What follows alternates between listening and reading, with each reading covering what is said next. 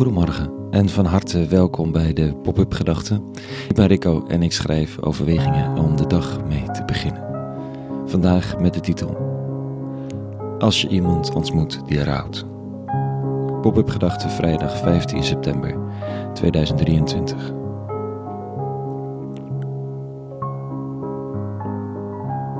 Het is vrijdag, meestal de dag met iets van poëzie of spoken word, als het lukt. Vandaag een korte gedachte ruimte voor stilte, over rouw. Het is in de katholieke kerken de dag van de vrouw van smarten. Moeder Maria en het verdriet over haar zoon. Wat moet je met rouw? Met het rauwe verdriet van een ander.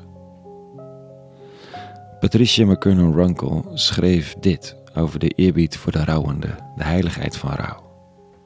In het Nederlands klinkt het zo. Als je iemand ontmoet in diepe rouw. Laat je eigen behoeften van je afglijden. Zet ze bij de deur.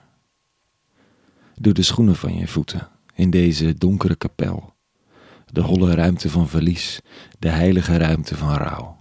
Haar grijze stenen muren en vloer.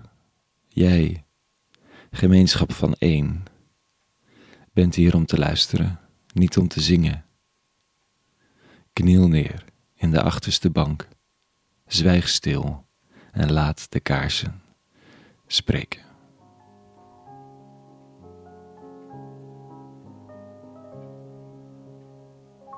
Dat zo eenvoudig. Zo moeilijk soms, zo nodig.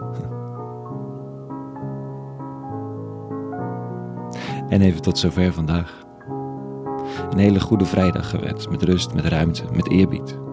Voor dat wat er op je pad komt. Maandag weer een nieuwe pop-up gedachte. En voor nu, vrede gewenst. En alle goeds.